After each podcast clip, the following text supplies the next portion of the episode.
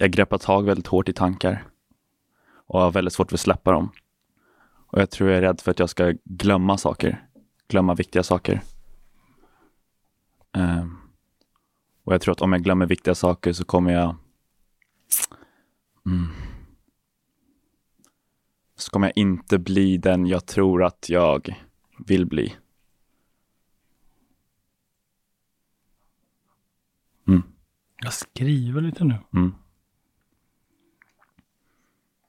Okej. Okay. Mm. Så rädd att glömma viktiga saker. Glömmer du viktiga saker så blir du inte den du tror att du vill bli. Mm. Så jag tänker liksom mycket på mitt UF-företag som jag har, lillebror. Um, det är alltid massa små saker som ska göras liksom. Och jag är typ rädd att om jag inte skriver ner dem på en lista eller har dem i min kalender så um, kommer det inte bli av. Då kommer det inte bli lyckat och då kommer, ja du vet.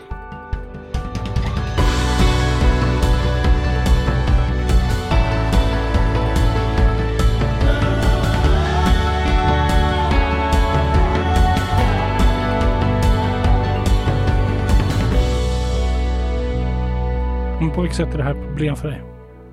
Eh, det är väldigt jobbigt att, eh, att inte tillåta sig själv till att glömma. Att inte tillåta sig själv att glömma? Ja. Hur, vad menar du? Vad är det som är jobbigt med det?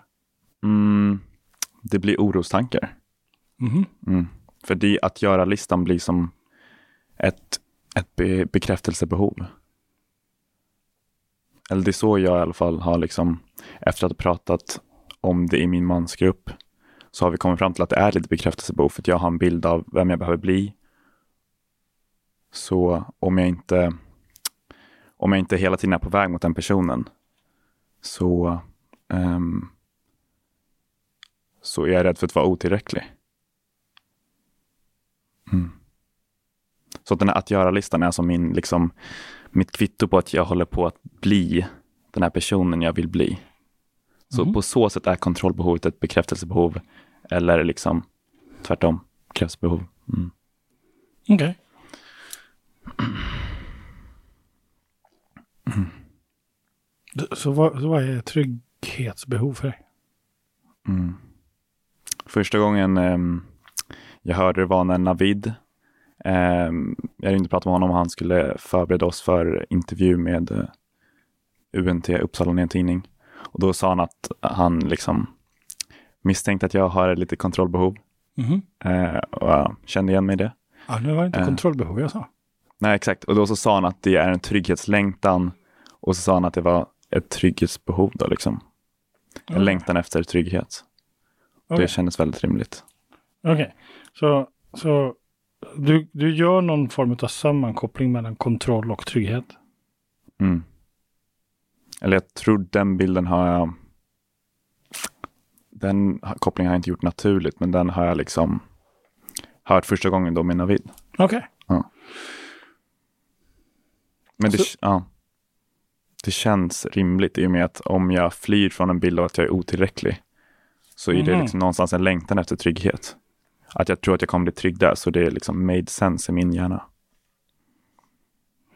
Så om jag flyr från en bild att jag är otillräcklig.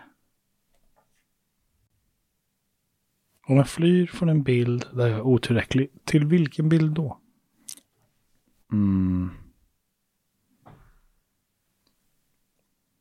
Eller det är mer att jag springer från en liksom en belief av att jag är otillräcklig. Mm. Ja. Som jag tror på, just nu i alla fall. Till mm. viss del. Mm. Inte i teorin, liksom, men i praktiken så agerar jag som att jag gör det. Mm, okay. Så, så, så du, du, flyr från en bild eller en belief från att du är otillräcklig? Mm. Ja. Eller snarare att mata den beliefen. Du matar den beliefen? matar beliefen mm. att jag är otillräcklig? Mm. Så du inte bara flyr från när du också, du ma hur matar du den? Men när jag gör, när jag liksom, när jag gör min att göra-lista, ja. så tror jag ju att jag kommer bli den här personen. Ja. Och då så visar jag för mig själv att jag ah, du är otillräcklig och du måste göra de här grejerna, men då kommer du inte vara otillräcklig. Om du gör de här grejerna liksom. Så att Okej. när min att göra-lista inte blir av, inte kan bli av av någon anledning eller att jag då glömmer, så mm, känner mig otillräcklig. Okej, så, så om det är tio grejer du har gjort, nio, och en är kvar, Mm. otillräcklig. Mm. Har jag förstått det rätt då? Mm. Ja. Va- Men om du bara skulle skriva nio grejer, Mm. vad händer då? Att man drar ner på tempot menar du? Ja, och så, och så, och så se till att fylla listan bara med grejer som gör att du vet att du klarar av. Ja, alltså det är ju alltid saker jag vet att jag klarar av. Mm, Och jag är jo. väldigt mån om att, ja, Men vad menar jag? Alltså, vad, vad skulle hända om du bara skrev ner saker som du vet att du idag kommer klara av så att du aldrig mer behöver känna dig otillräcklig? Vad skulle hända då? jag skulle nog inte lita på det. Nähä. Mm. V- vad skulle jag inte lita på? Att jag inte kan göra liksom att jag inte kan göra, eller jag skulle inte lita på att om jag bara gör liksom väldigt få grejer så skulle det bli bra. Nähä. Nej. Alltså, jag, så här, bara, bara så att jag förstår Mm. vad du menar. Du, du, du gör en att göra-lista. Mm. Mer än liksom abstrakt i huvudet. Okej, det är en Mm. abstrakt i huvudet. Mm. Och, så, och så är det tio grejer där. Mm. Ja, och så gör du inte en av dem. Mm. Och då känner du dig otillräcklig. Jag vet att det inte är sant. Ehm.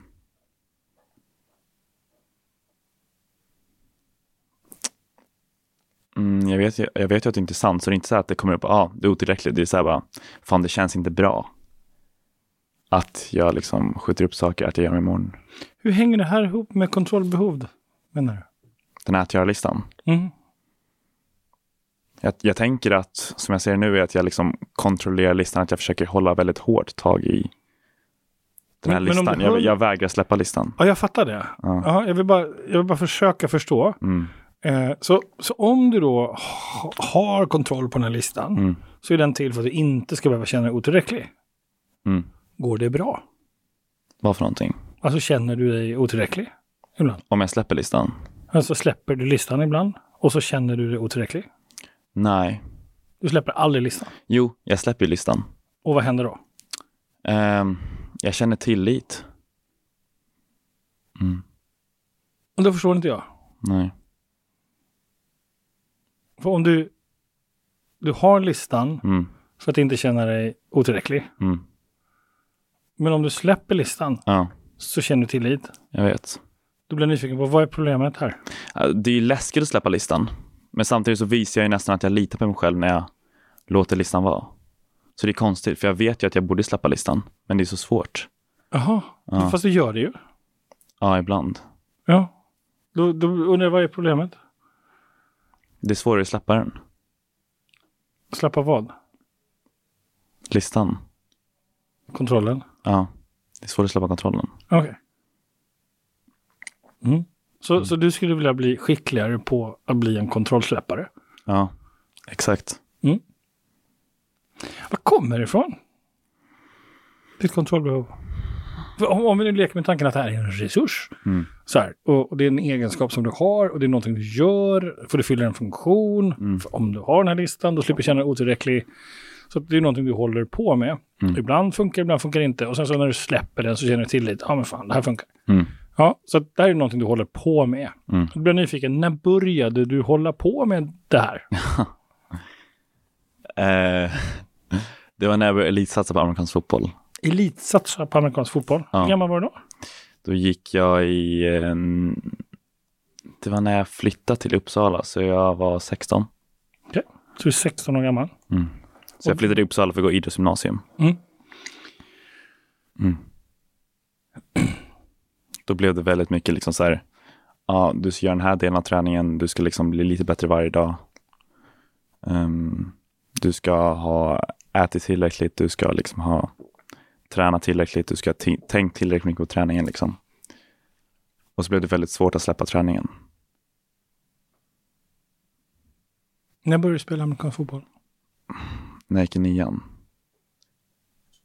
När jag gick i hösttermin, äh, vårterminen åttan. Vårtermin åtta. Mm. Vad var det för, vad var det för kille då? Knut. Mm. Vårterminen i åttan. Jag bodde hemma. Mm. Ehm, det är något som liksom blev en väldigt stor skillnad när jag flyttade hemifrån. Mm. Och ehm, jag tror eh, det läskiga med att flytta hemifrån var att jag liksom inte hade min pappa i huset. Och han, han är en väldigt stor trygghet liksom. För han har hela vår, min och min brorsas uppväxt liksom ehm, berättat för oss att vi eh, duger som vi är och att vi, han älskar oss. Och eh, mm. Men sen så har han också sagt att det, är, eh, det finns ett värde i att alltid vässa sig lite grann. Um, och då så tror jag någonstans att jag har missförstått det. Och, liksom, och så har det blivit ett liksom ett, ehm, ett, en känsla av att jag alltid måste vässa mig liksom, i allting. Och så har det blivit en, ett prestations, eh, blivit liksom prestationsångest. Mhm. Så i vårterminen åttan så hittar du amerikansk fotboll. Mm. Eh, och sen när du hittar gymnasiet då flyttar du hemifrån. Bort från pappa. Mm. Och hur uttryckte pappa sig när han bad dig vässa sig? Ehm, jag tänker väldigt mycket på en, alltså, ännu tidigare. Så när jag gick kanske i sexan, sjuan och så kom han hem och så nu vill jag inte måla upp min pappa som en skurk här. Jag tror inte det är någon som Nej, men det, men det här är bara min, liksom, eh, min bild av det, vad jag tänker på. Mm. Och då så man visar betygen och sen så liksom är det något betyg man, som inte är lika bra som de andra. Och så försöker man bara, okej, vad är det där vi kan jobba på liksom, för, att lyf- för att lyfta den? Liksom. Vilket är rimligt. Men det är också rimligt att jag riskerar att misstolka det. Mm, så hur misstolkade du det? Jag misstolkade det och trodde att liksom, jag var otillräcklig för att jag inte fick... Eh, ja, men alltså jag kollade liksom på det där C eller B istället för att kolla på alla andra A. Mm. Ja. Det blev väldigt fokus på vad man kunde förbättra istället för att, och väldigt lite, alltså, mitt egna fokus blev väldigt mycket på vad jag kunde förbättra och väldigt lite på vad jag verkligen liksom hade åstadkommit. Mm. Så om du har en match idag i fotboll, Mm. Hur resonerar du kring ifall ni vinner? Hur tänker du då? Jag har ju slutat. Jag slutade i höstas. Mm. Men ehm, ja, just nu känner jag, alltså då känner jag mig ganska liksom, vilket var liksom höstterminen i trean då. Då känner jag mig ganska bekväm med att jag gör bara vad jag kan till min bästa förmåga. Okej. Så om ni vann, Mm. vad hade du för känsla då? Jag var ganska, jag var nästan bara fokuserad på min egen insats liksom. Och om jag känner att jag hade gjort bra ifrån mig. Mm. Mm. Så när ni hade vunnit, Ja, vad hade du för känsla då? ja det berodde på min insats.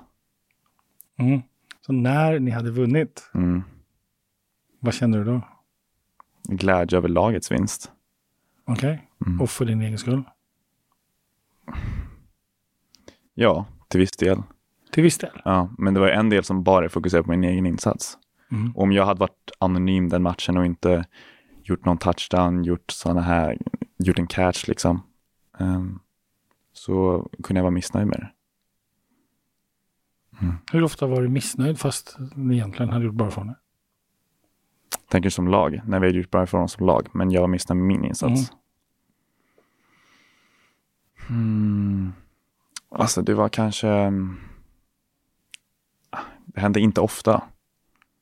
Jag tränade ganska hårt, äh, väldigt hårt, så det gick väldigt bra liksom. Mm. Ehm, Kunde du njuta av det?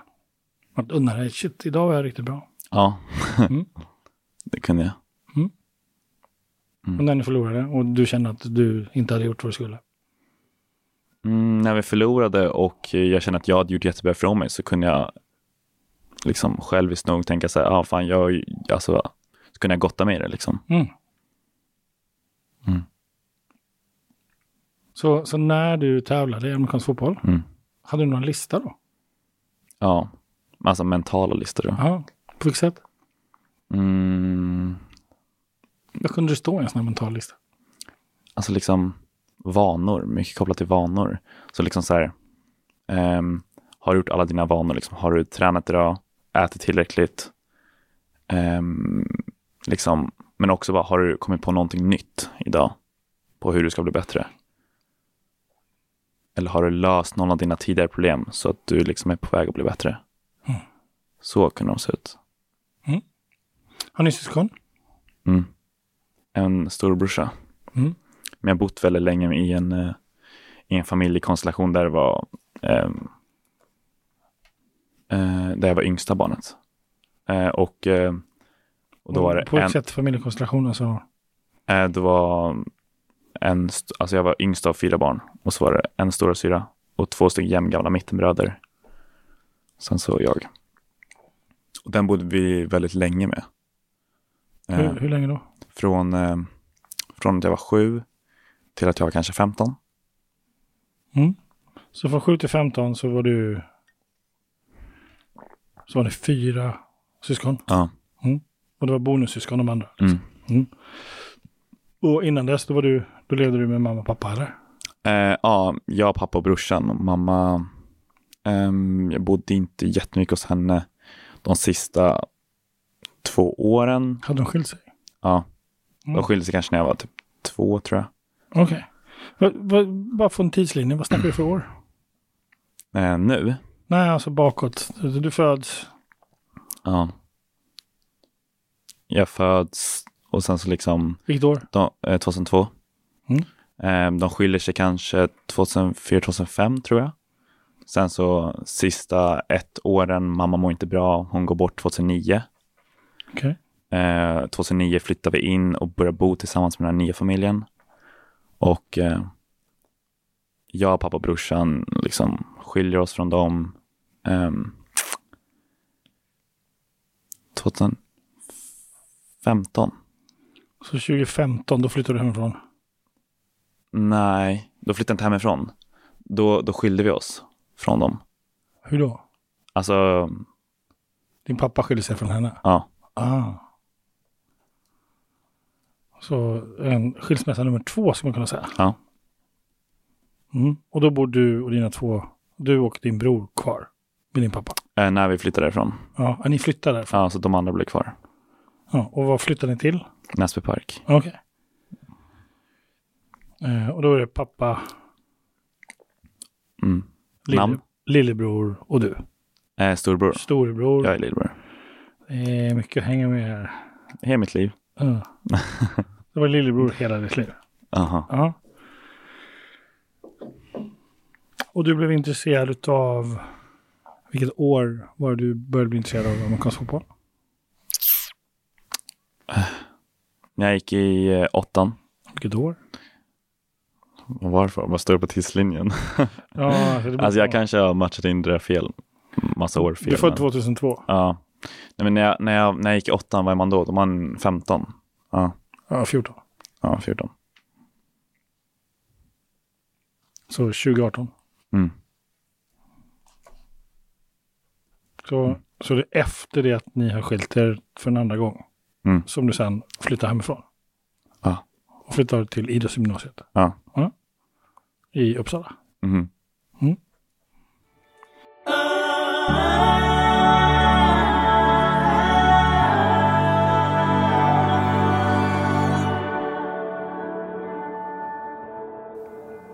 När du är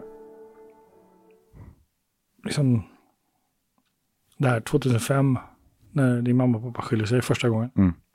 Hur bodde du då? Ehm, vi bodde i ett radhus. Mm. Ehm, innan de skilde sig. Nej, alltså efter. Ja, efter de skilde sig. Ja, då bodde jag vi kvar i det där radhuset jag hade växt upp i. Mm. Sen så med mamma bodde vi, eh, hon flyttade ut och så bodde vi i en liten lägenhet. Mm. Så, och hur ofta var det du bodde hos mamma? Eh, I början var det varannan vecka. Mhm. Och sen, Ehm, sen så sista året blev hon sjuk, eh, hjärnblödning och ehm, då så blev det allt mindre och mindre. och till slut var det liksom, och så var det en vårdnadstvist, liksom, de, pappa och mamma liksom, slogs om vårdnaden. Mm. Um, sen så um, fick pappa den tror jag. Ja. Och um, uh, ja, och i slutet så var jag bara hos mamma typ en kväll i veckan. Okej. Mm. Och sen när hon är sju så går hon, när du är sju så går hon bort. Mm. Vad kommer du ihåg av de här åren innan mamma dör? Mm. Jag tänker mycket på när vi lämnade pappa och åkte över till mamma. Mm. Och hur mycket vi grät då. Mm. Så du var ledsen för att åka från pappa. Mm. Mm. Och hur var det när du var hos mamma? Eh, jävligt jobbigt. Då var det liksom jag och brorsan som höll ihop. Mm. Sen så, jag tror inte vi kände oss riktigt trygga med mamma. Okej. Mm. Varför inte det? Det fanns nog inte någon emotionell, emotionell närhet på samma sätt som det gjorde med pappa. Liksom. Pappa, liksom, vårt intryck av pappa var att han älskade oss villkorslöst. Mm. Men jag vet inte. Jag kom nästan inte så, alltså i...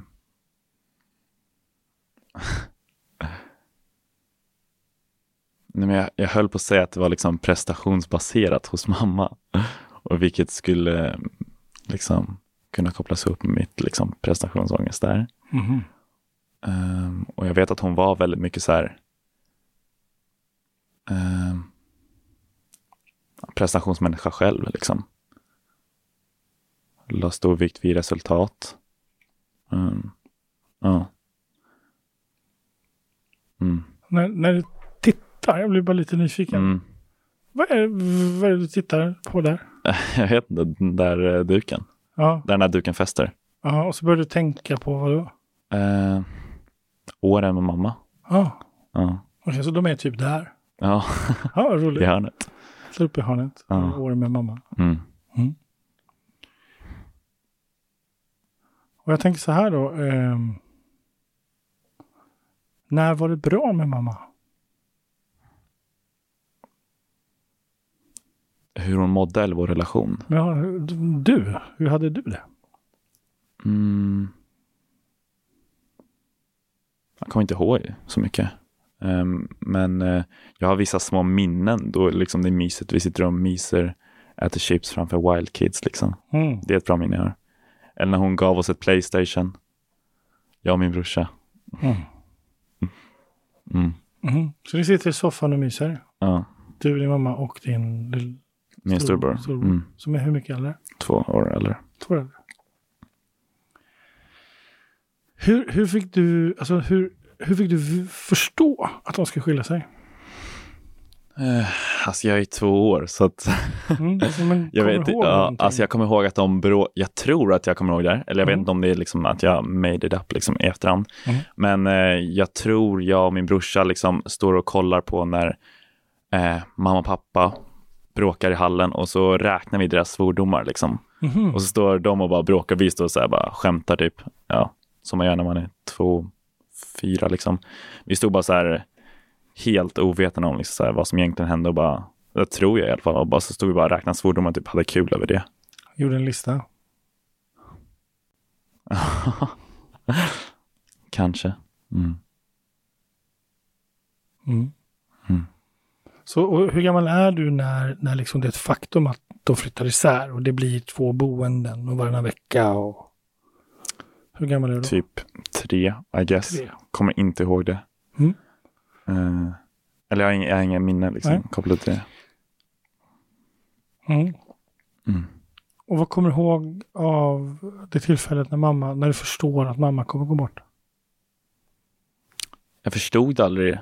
Uh, alltså jag, det fanns inte ens på kartan förrän liksom pappa, eller jag såg hur liksom på slutet hur jag och min brorsa började ta mer och mer hand om mamma.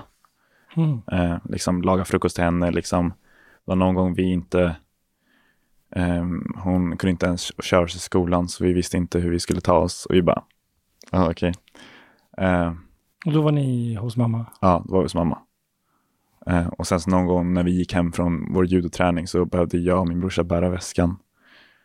Eh, så kommer jag ihåg att hon spyr ett buskage och så behöver vi liksom, ja, typ ta med henne hem. Visste hon om att hon var sjuk då? Jag tror inte det. Mm. Så, så när förstår du att mamma kommer gå bort? Um, jag förstod aldrig, eh, men jag såg att hon blev dålig på slutet. Men sen så tar, sa, samlar mig pappa en, en, vecka när jag bor hos liksom, pappa. Samlar mig och Nils och bara sitter och håller om oss. Bara, ah, polisen ringde i natt och så mamma har gått bort. Hur gick hon bort? Hjärnblödning. Var hon hemma? Ja. Vad händer för dig just nu?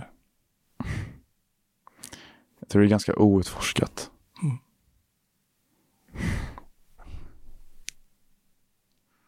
Mm. Och jag har aldrig liksom vetat om jag blivit jättepåverkad av det eller om jag blivit inte påverkad alls. Och det är så här. Jag, jag tänker att det är ditt liv. Ja. Det är din verklighet som du har rätt till. Mm. Och det känns orimligt att jag inte skulle vara påverkad alls. Mm. Men samtidigt så känner jag mig, alltså, samtidigt så har jag typ ingen emotionell koppling till det känns som. Mm. Hur känns det? Bara konstigt. Okej. Okay. För det är halva med jag. Mm. Ja. Mm. Mm. Idag som vuxen, Mm. Kurt, så tänker jag så här. Kan det vara okej okay att utforska det här för dig? Ja. Jag är nyfiken på att göra det. Mm. Mm. Då tänker jag så här.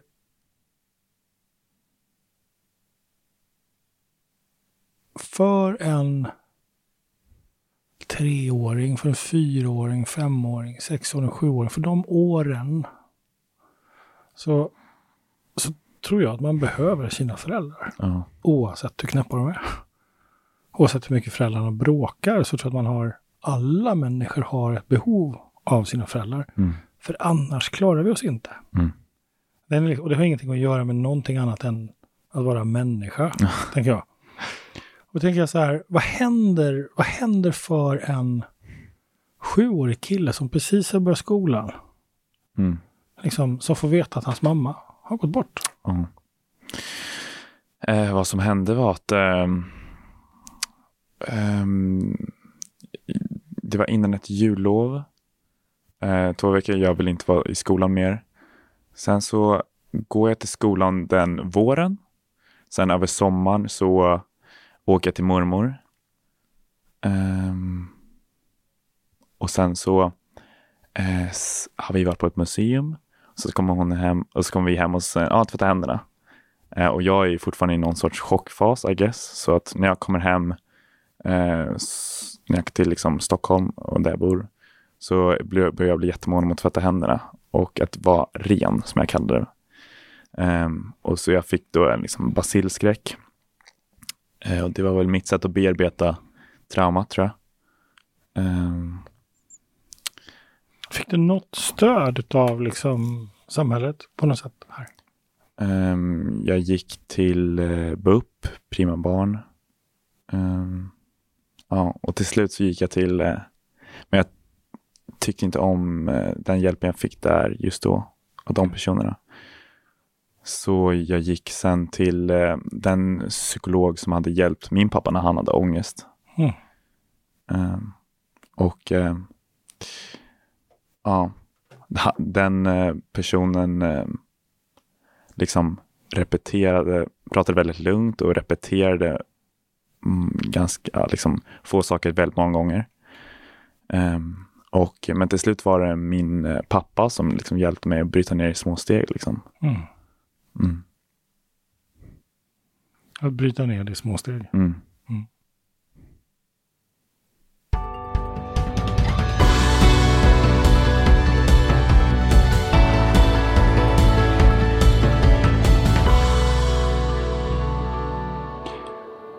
Så vad är kontrollbehov? för dig Knut?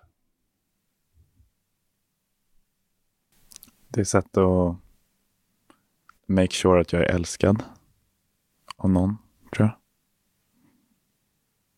Jag tror det har att göra med min mammas liksom bortgång mer än vad jag tror. Trodde innan. Mm. Ja. Vad är det man, om man, om man pratar om kontroll, om man skulle sätta ett annat ord på det än Mm. kontrollbehov, vad skulle det kunna vara? eh. Bekräftelsebehov. Mm. Vad är det du försöker kontrollera? Att jag att jag är älskad eller liksom tycker om mig själv, tror jag. Okej, så vad är det du kontrollerar då? Kontrollera andras bild av mig. Går inte. Nej. För det andra har ju, är ju fria människor, de får ju tycka vad de vill. Ja. Det kan ju du aldrig kontrollera. Nej, Alltså, men, men om man, om man det säger, om vi går bort ifrån dig då, Mm, så, så har vi människor som försöker kontrollera saker och ting mm, med hjälp av listor och tvätta händer, hålla sig ren och Ja. göra alla de här grejerna. Att när, man är, när, när det är någonting svårt så byter vi ner i små steg för att få kontroll på grejerna. mm. Vad är det vi försöker kontrollera när vi gör det? Vad är det som inte får hända? Det får inte bli fel. För vad händer då? Då går det inte som vi tänkt oss. Och vad händer då? Ehm, då blir det jobbigt. Ah, Ja.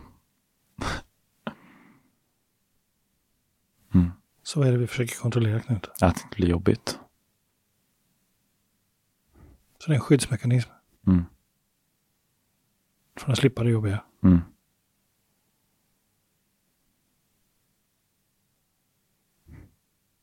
Vad säger du Knut? Låter rimligt. Är det dags att börja känna Känna. Mm. Mm. saker på riktigt? Mm. Vad menar du? Vad menar jag? Mm.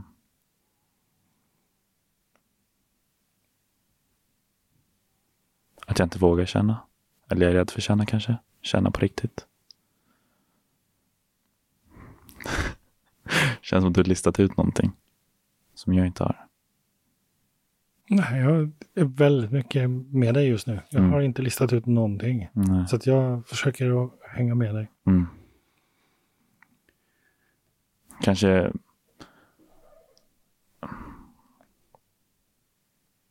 rädd för att känna brist på kontroll. För vad händer då? Då tillåter vi andra att eh, vara med och påverka. Mm. Jag tänker så här. Om vi funderar över, bara reflekterar över de här liksom skeendena i ditt liv. Med den första skilsmässan, du är två, tre år gammal. Mm. När din mamma och pappa skiljer sig för första gången. Mm. Har du kontroll då? Nej. Okej. Eh, när du och din storebror går från judoklassen, Mm. judoträningen och din mamma kräks. Mm. Har ni kontroll då? Nej. När din mamma blir sjuk, Mm. har ni kontroll då? Nej. Och efter att din mamma har dött, Mm. har du kontroll då? Nej. Eh, träffade du din familj? Fick du vara med och bestämma vilken familj det skulle bli? Nej. Så skiljer de sig. Fick du vara med och bestämma det? Ja. Fick du det? Mm. Var det du som sa ifrån? Var det ni som sa ifrån? Ja, till viss del. Mm. Mm. Hur var det? Typ mäktigt på något sätt. Sjukt att få kontrollera. Och få mig att bestämma. kontroll? Var Alltså- det kontroll? Påverkan. Okej. Så hur, hur gjorde du för att få din pappa uppmärksam på vad du behövde? Han har alltid lyssnat på när jag har sagt ifrån. Eller, mm.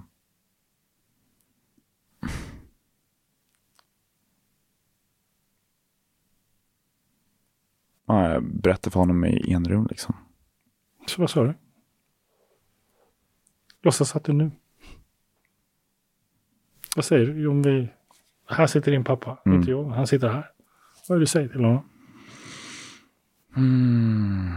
Jag säger att jag inte får vara med och påverka i familjen och jag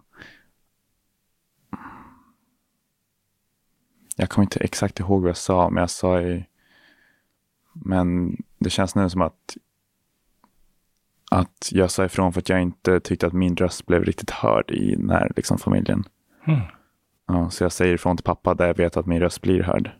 Okej. Så hur säger du det?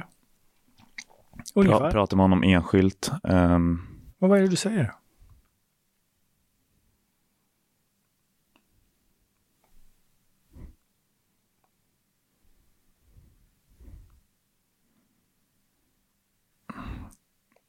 Är svår, svårt att svara på.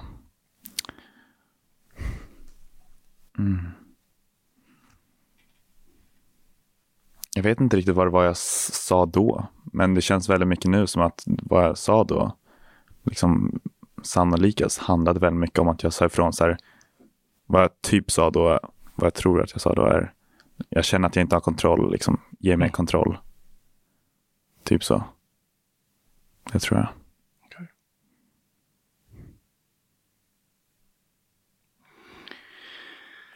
Eh, när, när, när, ni, när du får veta att din mamma har gått bort i den stunden där. Mm. Eh, var var ni då någonstans? i vardagsrummet på Ellagårdsvägen. Mm. Vad kommer du ihåg av det tillfället? Att det kändes overkligt. Bara helt sjukt. Började gråta direkt. Okej. Mm. Vad hade du för känslor i kroppen? Kommer du ihåg det? Bara, och det här är inte på riktigt. Mm. Mm. Mm. Vad gör en sjuåring då? Tänker jag. Inte vad gjorde du, utan mer så här, vad gör, vad gör ett barn som förlorar sin förälder? En förälder. Försök hitta andra ställen man blir älskad på, I guess. Vad skulle det kunna vara? Alltså skolan tänker jag mycket på. Mm. Liksom uppskattad av andra. Mm. Omtyckt av andra. Och hur gör du för att bli omtyckt av andra? Kontrollera deras bild. Försök i alla fall. Eh, Jag tror jag försöker imponera väldigt mycket på andra. Mm.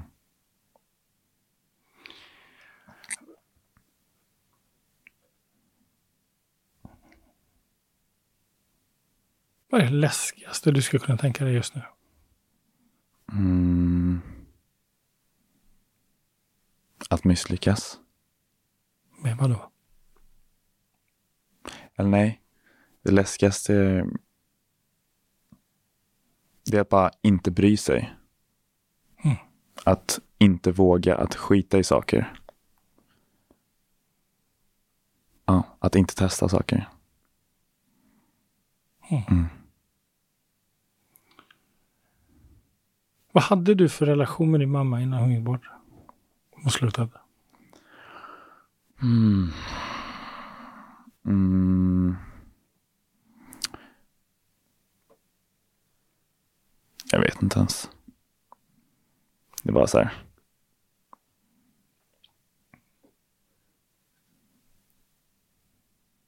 Typ jätteenkel.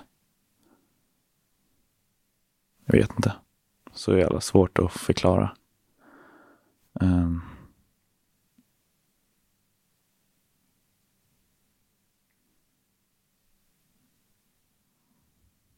tror inte jag känner mig riktigt trygg med henne någon gång.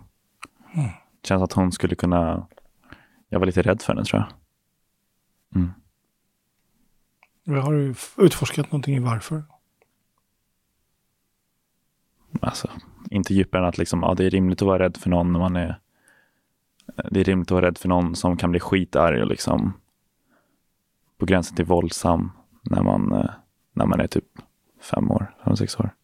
Var det så? Ja. Så hon kunde bli så arg så att du blev rädd för att hon kanske till och med skulle slå dig. Mm.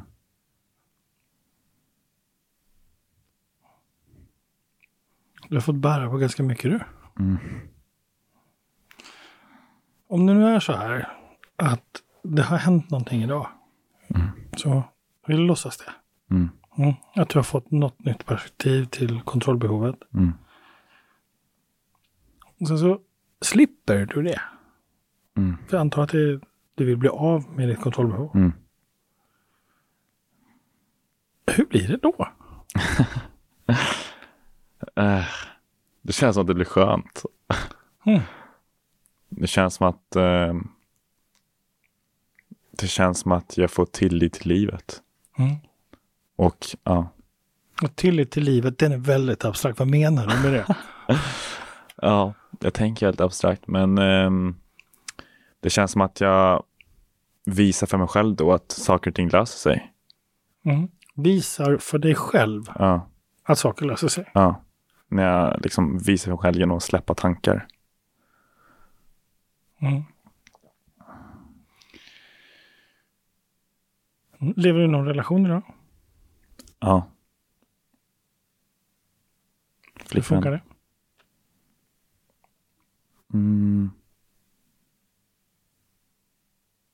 Bra.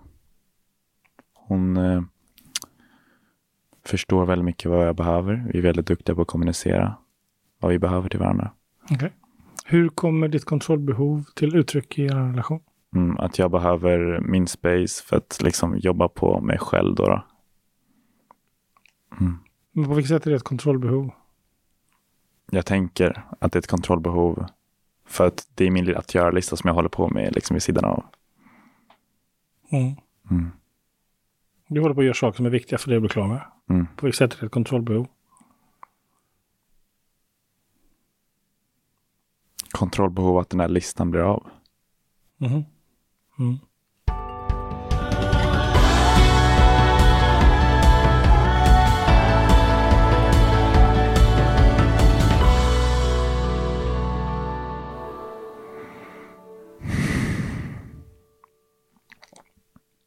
Vad var det för suck? Mm. Bara jobbigt ämne att tala om. Jag tror jag blir lite spänd i kroppen så bara Mm. landa lite. Mm.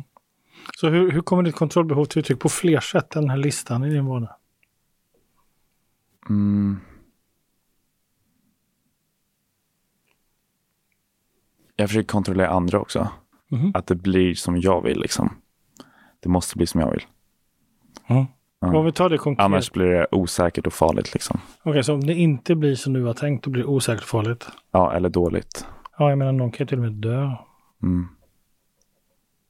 Kan det till och med kännas så? Nej, men jag kan känna mig, okej fan, jag kommer bli ett misslyckande. Jag... Det är värsta tanken liksom. Det är inte som att det här liksom, det blir ångestartat direkt, men det, det känns liksom jobbigt någonstans. Mm. Så om det inte blir som du har tänkt dig så blir det farligt. Mm.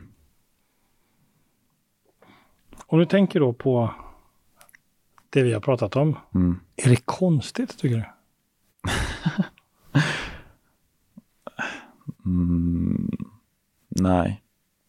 Men samtidigt så förstår jag inte hur har andra människor, eller alltså jag har ju känt en, en brist på kontroll. Hur andra människor känt Och vad gör man då när man känner en brist på kontroll? Man försöker kontrollera saker ännu mer. Exakt. Ja. Så du har tränat på att försöka ta kontrollen över saker du inte kan ha kontroll över hela ditt liv. Mm. Tänker jag. För de vuxna har inte varit där. Mm. Och din pappa har varit där, men han har ju adderat någon form av prestation, hörde jag dig säga i början. Mm. Eh, att bli vässad. Mm.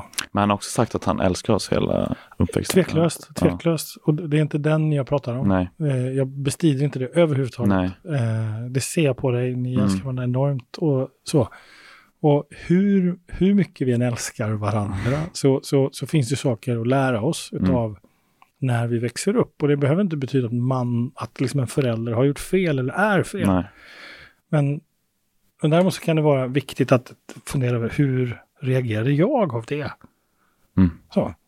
Och, och att ta ansvar för det i dig själv. Mm. Så. Om, om du idag sitter och upptäcker att vässa pennan kanske det var det bästa för dig. Kanske är någonting som du behöver fundera över. Mm. Och hur har det triggat liksom din, din relation till din prestation? Och så. Mm. Mer som en ytterligare en beställning på en sån här, en sån här typ av samtal. Mm. Mm. Jag förhåller mig lite till ämnet så tänker jag så här.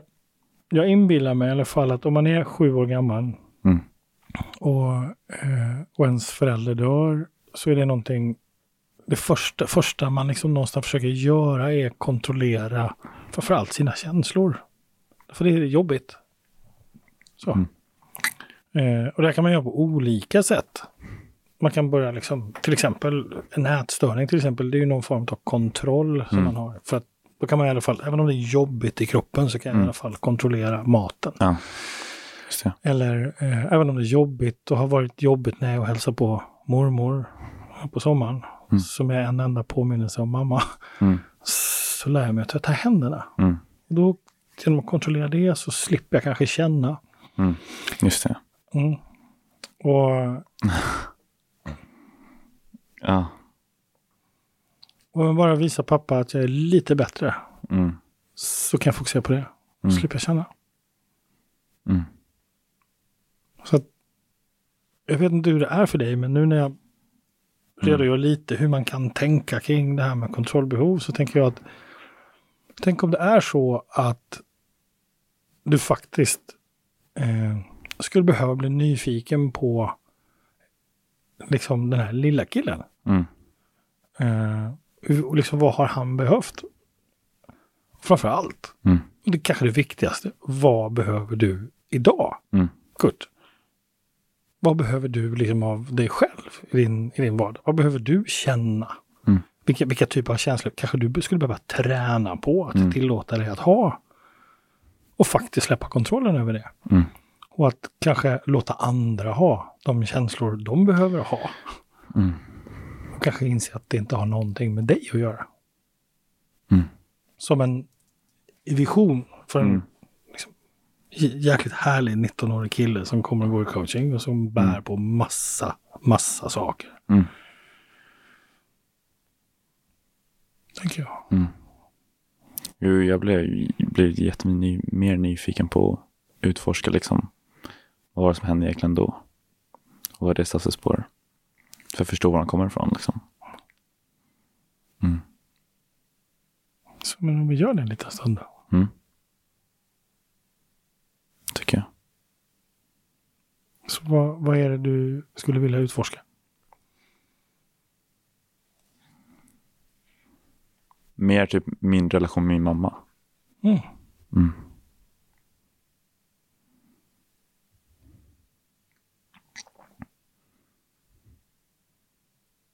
Men också samspelet med min relation till min pappa. Mm. Okej. Så om din mamma var här idag. Mm. Hon satt där bredvid dig. Mm. Där. Mm. Vad, vad hette hon? Anna. Anna. Så om hon satt där idag. Mm. Vad är det hon har hört dig säga idag? Att jag känner mig otillräcklig. Att jag försöker kontrollera andras bild av mig. Att jag försöker eh, få en att göra-lista gjord. Att jag försöker prestera för att bli någon. Och vad skulle du behöva att hon gjorde just nu? Älskade mig.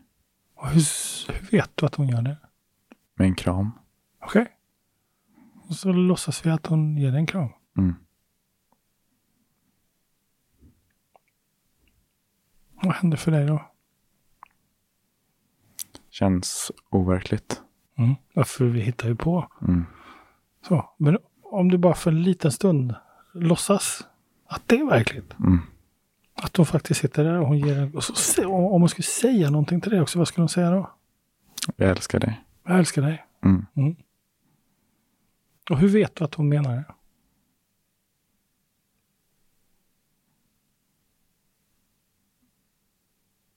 Fast hon gör det. För att jag aldrig typ varit med om det tidigare känns som. Vad sa du nu? För att jag aldrig varit med om att hon gjort så tidigare. Bara kramat mig och sagt jag älskar dig. Så hon har aldrig gjort det. Mm. tror jag inte i alla fall. Jag har ingen minne av liksom, Jag har ingen minne av... att hon kramat mig och sagt det. Mm. Mm.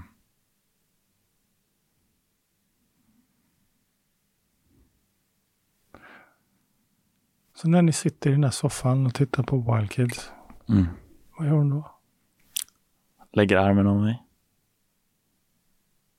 Så hon lägger armen om dig. Mm. Och vad gör hon förutom det när ni sitter och tittar på Wild Kids? Mm. Ehm.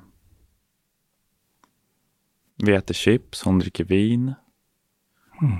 Ehm, jag och min brorsa sitter bredvid henne. På varsin sida. Mm. Och lutar oss mot henne. Mm. Hur känns det? Inte alls, tror jag. Jag vet inte. Jag vet inte. När började du stänga av Kurt? Knut. Jag menar Knut. Ja, Har jag sagt Kurt några gånger nu? Ja, en gång. Ja, jag är jättedålig ingen på namn. fara. Um, vad var frågan igen? När börjar jag stänga av? Mm. Jag vet. Ja. Jag förstår inte riktigt vad du menar med stänga av. När jag börjar kontrollera saker. Eller försöka kontrollera saker. Jag tänker just nu att det börjar liksom vid amerikansk fotbollen. Ja. Men också, men också basilskräcken efter hennes bortgång. Mm. Liksom när jag börjar tvätta saker. Om vi tar logiskt. Mm. Här sitter en lillebror och en Mm. storbror bredvid sin mamma. Mm. Hon håller om dem. Du sitter idag och uttrycker att du aldrig har fått en kram av mamma. Mm. Och ändå så sitter hon där och håller om er. Mm. Och så frågar du hur känns det? Och så kan inte känna något. Mm. Vad tänker du om det? Borde kännas. Mm. Mm. Du är det jag menar. Så vad, vad, vad, känner den här lilla killen då som sitter där? Vad, vad håller han på med? Han försöker kontrollera att han blir älskad.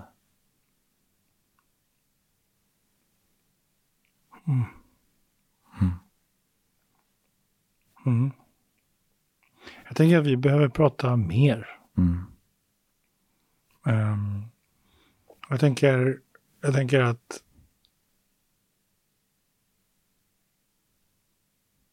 den här konsten att känna, Mm. det är ju en träning. Ja. Och framförallt om man, om man någonstans har börjat kontrollera saker. Mm. Ehm. Mm. Vad säger du om det? Låter bra. Mm. Mm. Vad skulle hända om du själv sa till dig själv? Att du låtsades att du hör henne säga så här, jag älskar dig. Jag kan typ inte höra hennes röst säga det. Ja. Kan du se hennes Men det känns tryggt. Ifall de skulle göra det.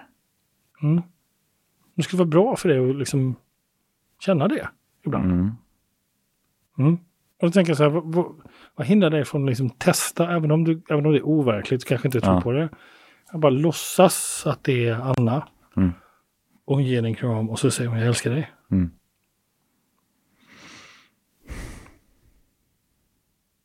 Skulle du kunna testa att göra det? Ja. Mm, då blir jag nyfiken, vilken sida, var är hon då någonstans? På den sidan eller den sidan?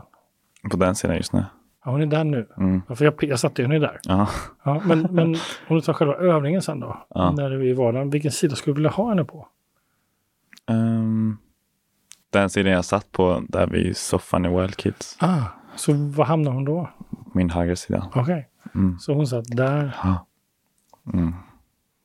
så det är därifrån Ja. du har det. Mm. Hur ser hon ut i ansiktet när hon säger det? När hon säger det. Vad menar du? Ehm, jag, tänk, jag tänker mer liksom. Jag ser inte hennes ansikte. Jag ser bara, ser bara att hon gör det. Mm, mm, du ser att hon gör det. Vad tar du det på? Är det ögonen? Är det ansiktsuttrycket? Nej, bara kroppen. Okej, på vilket sätt i kroppen? Är hon framåtlutad, Ja, bakåtlutad? hon tar tag i mig. Okej, så hon är Och framåtlutad. jag gör ingenting. Ah, Mm. du tar bara emot. Mm. Var någonstans har hon tagit dig? Liksom. Hon bara lutar sig fram över mig liksom. Mm. Och jag är liten. Ah, du är liten. Mm. Mm. Vad händer för dig nu? Jag blir glad. Mm.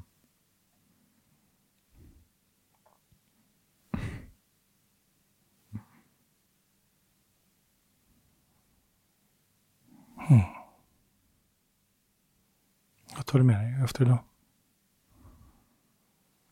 Jag är intresserad på det där du säger att liksom det är dags att börja känna. Um, Vad har du precis gjort? Vad var det precis för övning vi gjorde? övning på att känna. Mm. Jag tar med mig att jag vill utforska min relation mer. Liksom. Det har växt mycket bra tankar idag. Mm. Bara jättetaggad på att koppla det till vilka liksom, humör jag känner just idag. För det är ju mest relevant just nu. Liksom. Eh, Och bara, ah, den känslan förra veckan, ah, det var fan den känslan för 15 år sedan. Mm. Nej men något sånt. Mm. Mm.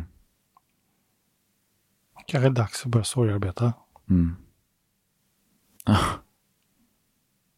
På riktigt. ah.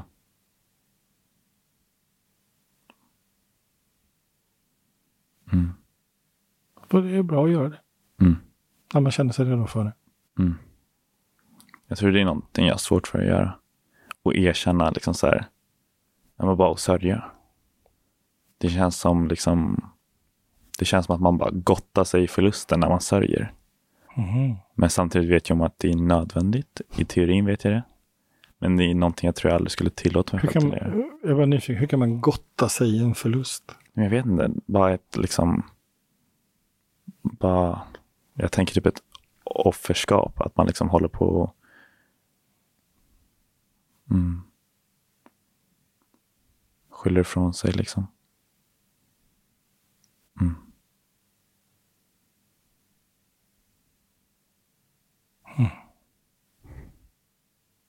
Har du varit vid hennes grav? Mm. Och då? I julas var jag där för, eh, för typ första gången sen. Alltså, ja, Hur är det? det var jättestarkt emotionellt. Um, när jag åkte dit med min mormor som fyllde 80 eh, och min kusin och då så pratade min mormor med graven och då började jag gråta. Och sen så kände jag också att jag ville prata med graven men jag vågade inte göra det. Mm. Sen när jag åkte ifrån och lämnade mormor så sa jag till min kusin att jag behövde åka tillbaka och prata med henne ensam. Mm. Och så testade jag att göra det, men det kändes bara konstigt. Jag trodde att det skulle vara mycket mer kraftfullt, men det var inte det. Mm.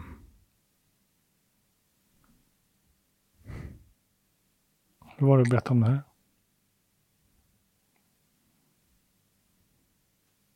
Ja, inte jättesvårt. Mm. Vad fick du för känsla när du pratade? Liksom ärligt. Mm. Mm, om det är en känsla. Mm. Ja.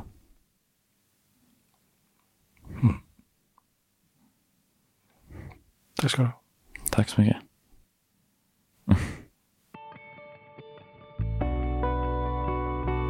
Vill du gå i coachning hos Alexander? Så bokar du på alexanderholmberg.se.